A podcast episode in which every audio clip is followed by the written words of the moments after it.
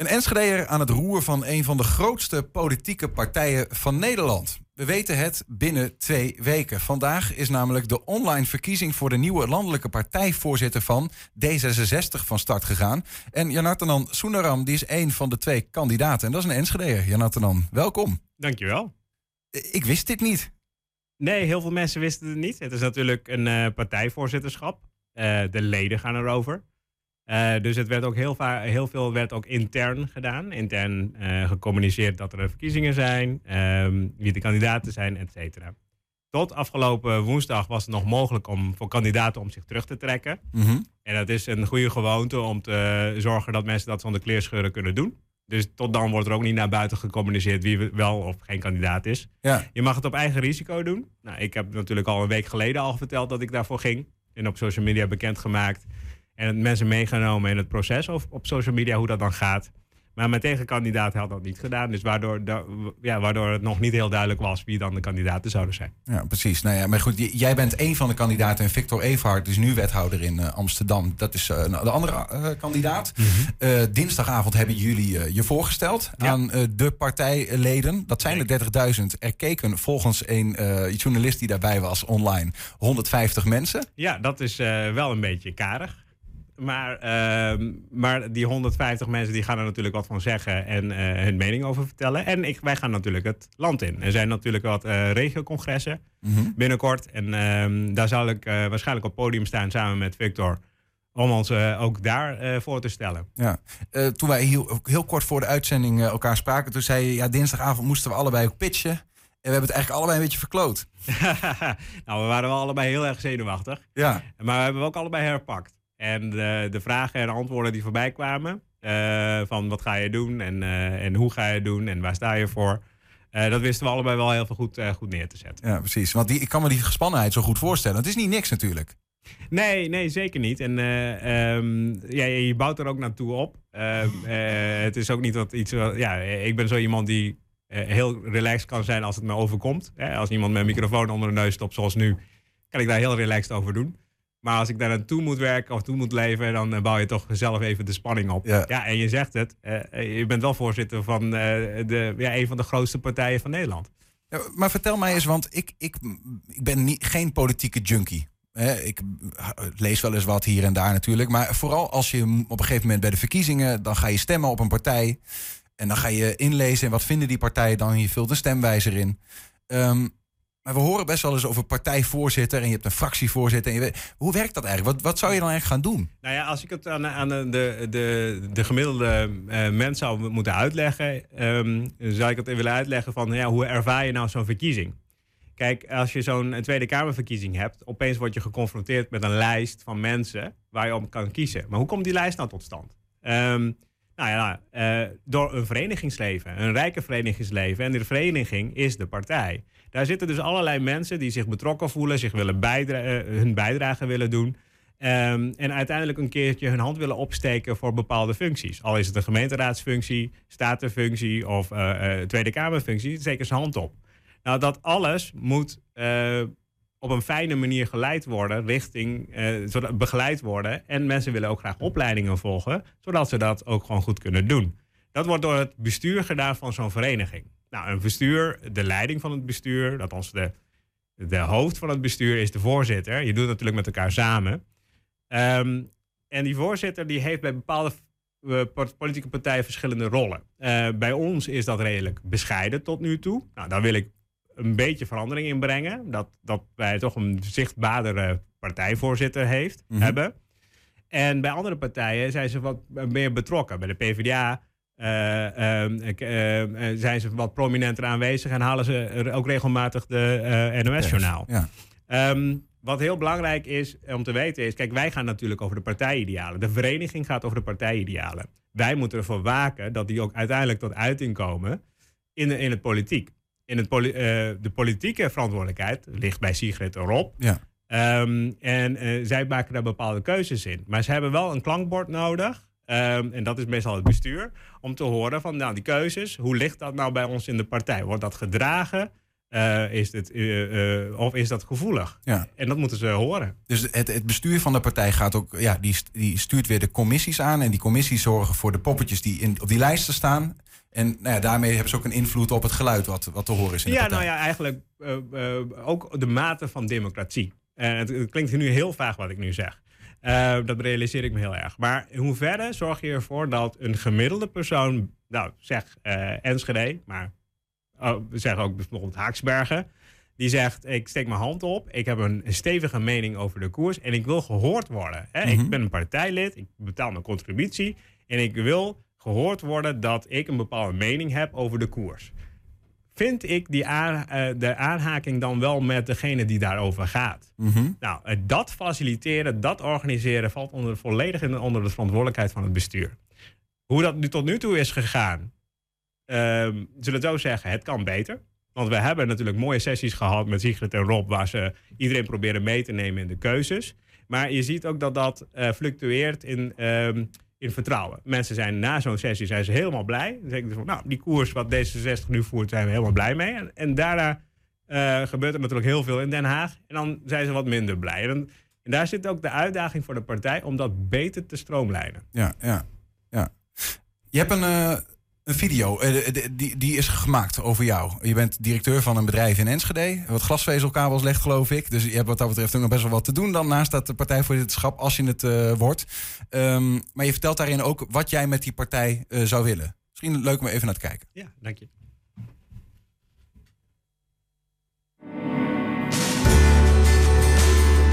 Terwijl Sigrid en Rob samen met onze Tweede Kamerfractie zich inzetten voor een zo progressief mogelijke regering, koesteren we onze hardgegroeide vereniging van ruim 30.000 leden.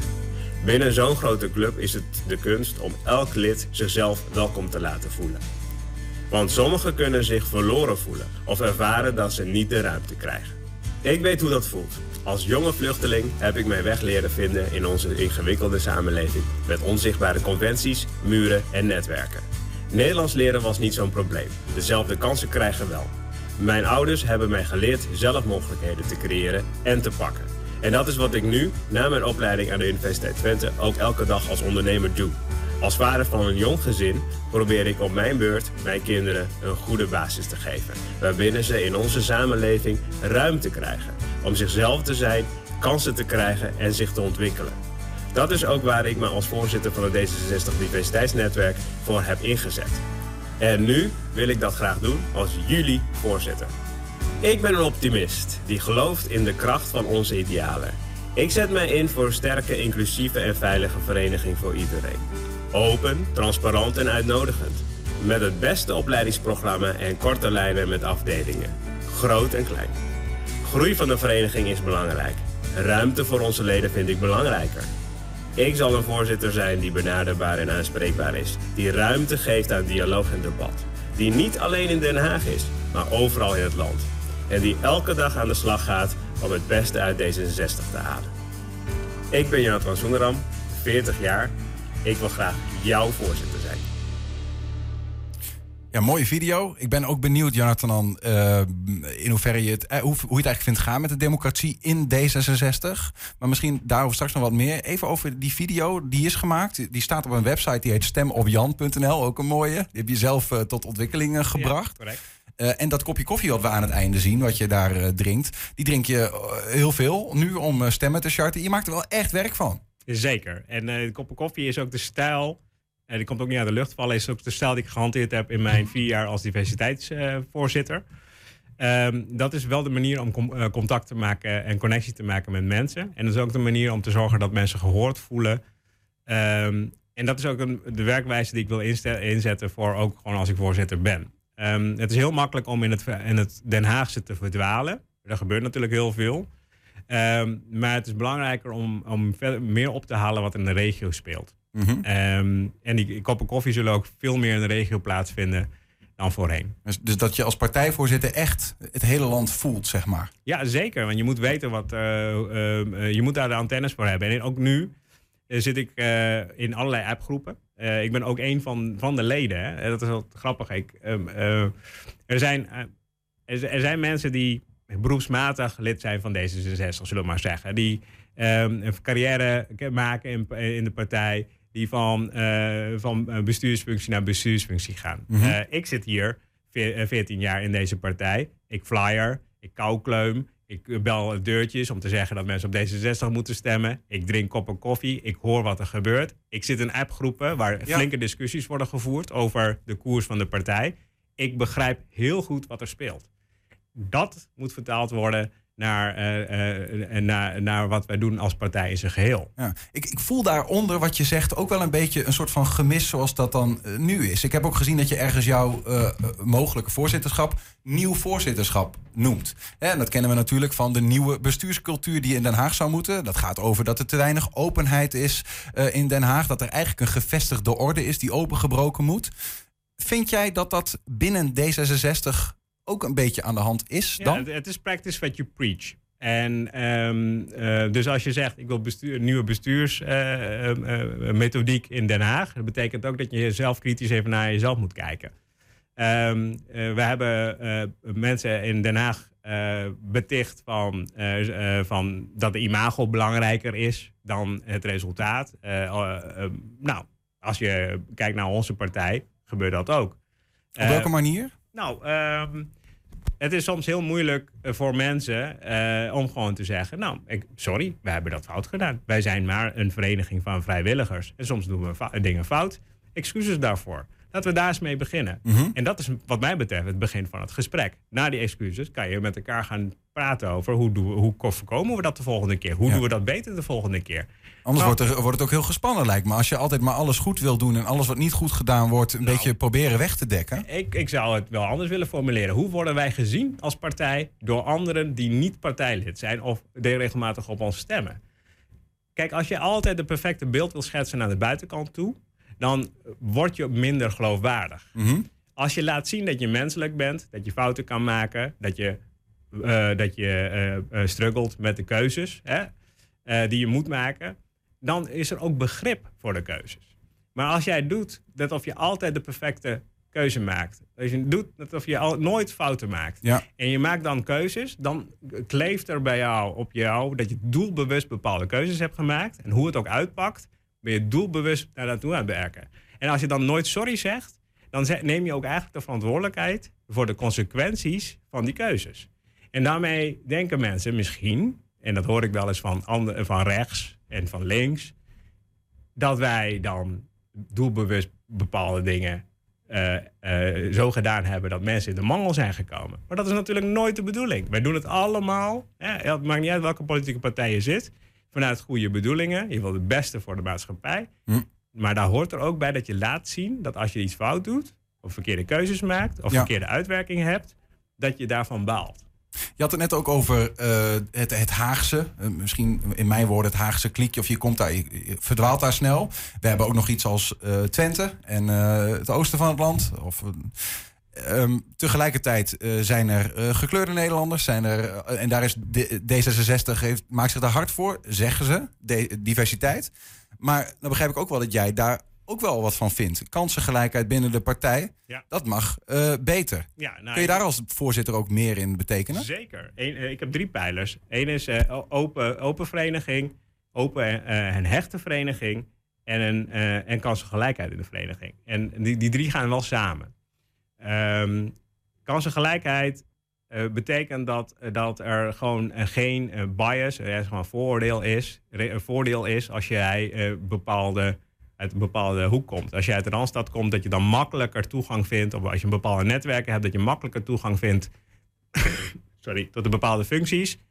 Maar, uh, en, dat het, uh, en dat als je dat dan niet hebt... Mm -hmm. hè, dus dat je niet tot die netwerken hoort... dat je niet uh, de juiste mensen kent... dat je die, die keuzes, dat je die opties niet hebt. Ja. Nou, kan, gelijke kansen betekent dat wij als, als vereniging... en ik dus als voorzitter moet zorgen dat uh, daar dus een gelijke speelveld ontstaat. Hoe, hoe, hoe, hoe kun je dat dan fixen? Want het lijkt me ook zo lastig. D66 is een oude partij, mm -hmm. een grote partij. Mm -hmm. um, ja, mensen zijn ook gewoon een beetje, uh, uh, hoe zeg je dat, conservatieve wezens, toch? Dat is ja, ook wel correct. veiligheid om het zo te houden zoals het is. Correct. En dus ik, ik, ik, ik zie wel dat wij de wens uitspreken voor heel veel dingen. Maar, als, maar we, ik zie ook dat wij ons nog steeds ehm, terugvallen op onze eigen op oude gedrag. Nou, Als je nu kijkt naar hoe het proces is gegaan voor de kandidering van mij en, en Victor, daar voelde toch een bepaalde groep de, de, de, de neiging om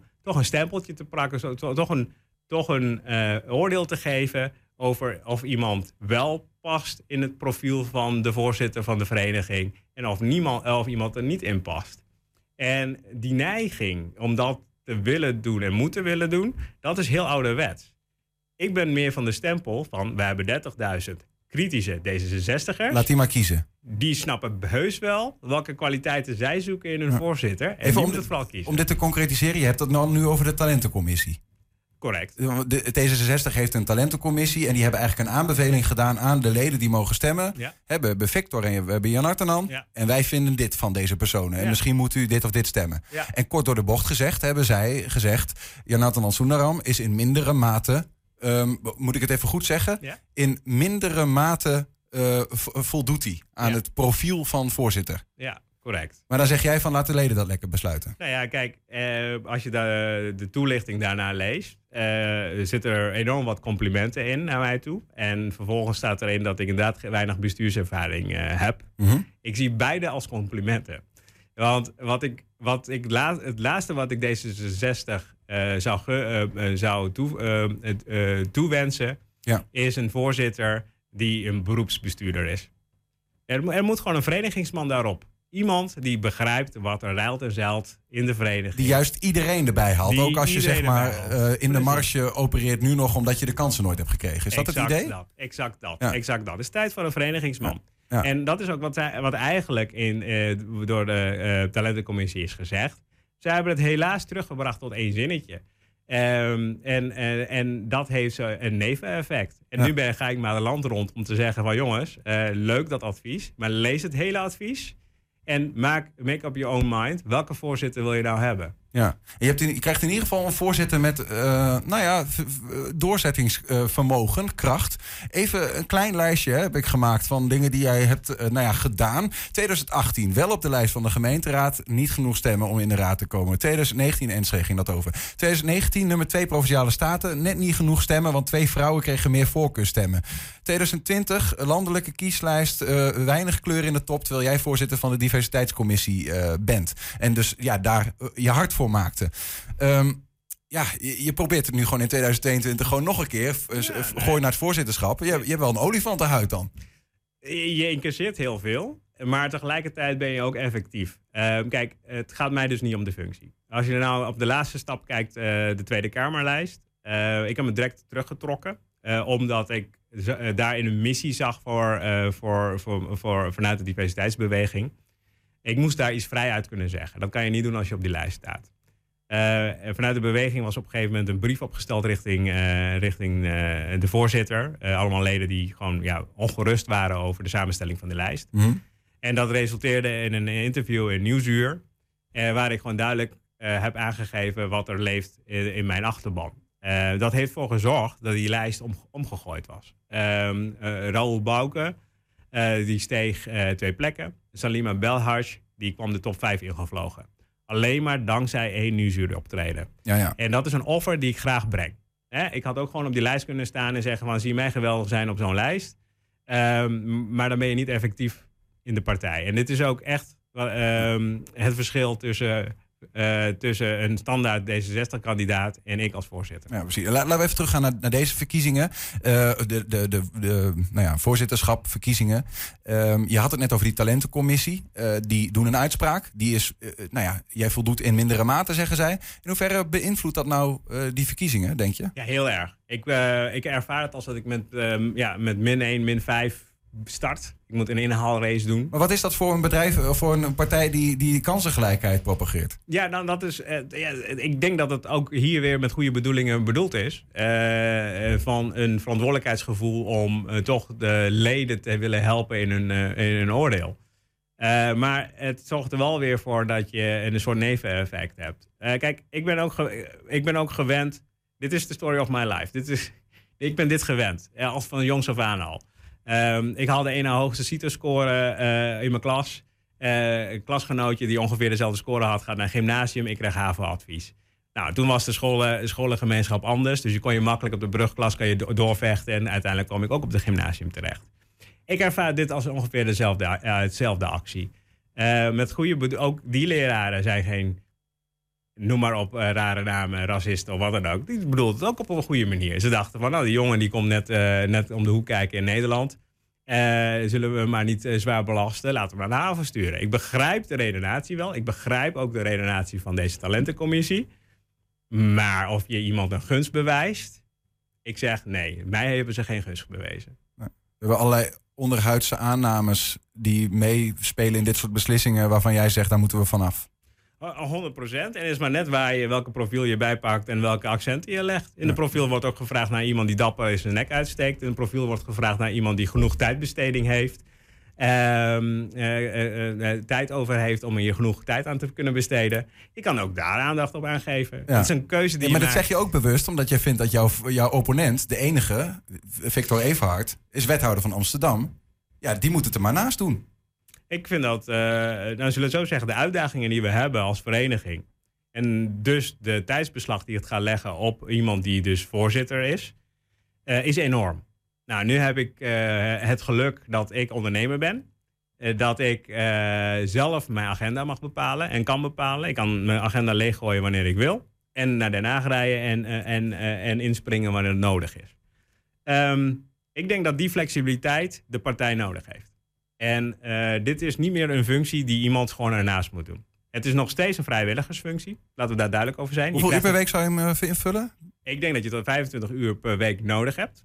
En, en, wij krijgen er geen cent voor betaald. Dat is uh, anders geregeld in andere partijen.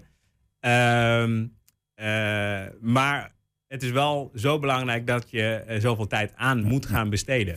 Anders, anders gaan er dingen gebeuren waar je waarschijnlijk niet gelukkig mee bent. In 25 uur kun je heel wat kopjes koffie drinken. In 25 uur kan je heel wat koppen koffie ja, drinken. Ja, met, met iedereen. Ja. tot slot, Jonathan Ander. Tot wanneer kunnen de leden van D66 eigenlijk stemmen? De stemming is nu al open. Mensen hebben al mail gehad om hun voorkeurskandidaat en een tweede voorkeur aan te geven. Um, je kan ook kiezen om alleen maar op één iemand een voorkeur te geven. Uh, de stemmen is begonnen tot 10 november. Um, en na 10 november gaan we horen wat de score is. Dan weten we het. Dan weten we het. 10 november of 11 november of zo. 11 november, 12 november is maar net wanneer de verkiezingscommissie klaar is met het tellen van de stemmen. En uh, 13 november wordt de nieuwe voorzitter beëdigd op het congres. Spannend man. We gaan het meemaken. We gaan het meemaken. Hey, dankjewel. Heel veel succes. Dankjewel. Jonathan Sundaram was dat.